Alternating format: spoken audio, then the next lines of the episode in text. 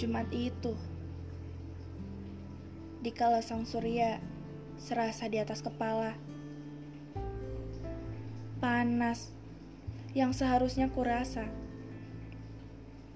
berubah menjadi sejuk yang tak terduga. Sama seperti sapamu. Sapamu yang aku tunggu-tunggu pun datang. Hari itu bahagia. Walaupun berbincang tak lebih dari dua menit saja. Tapi rasanya aku seperti terbang ke angkasa.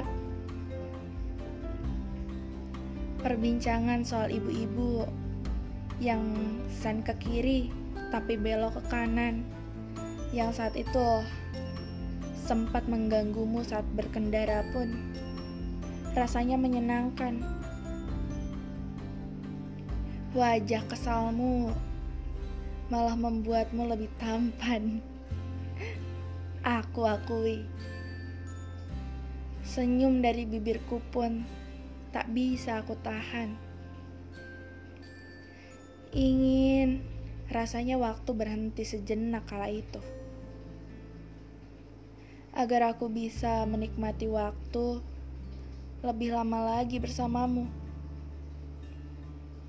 tapi aku lupa. Waktu itu fana.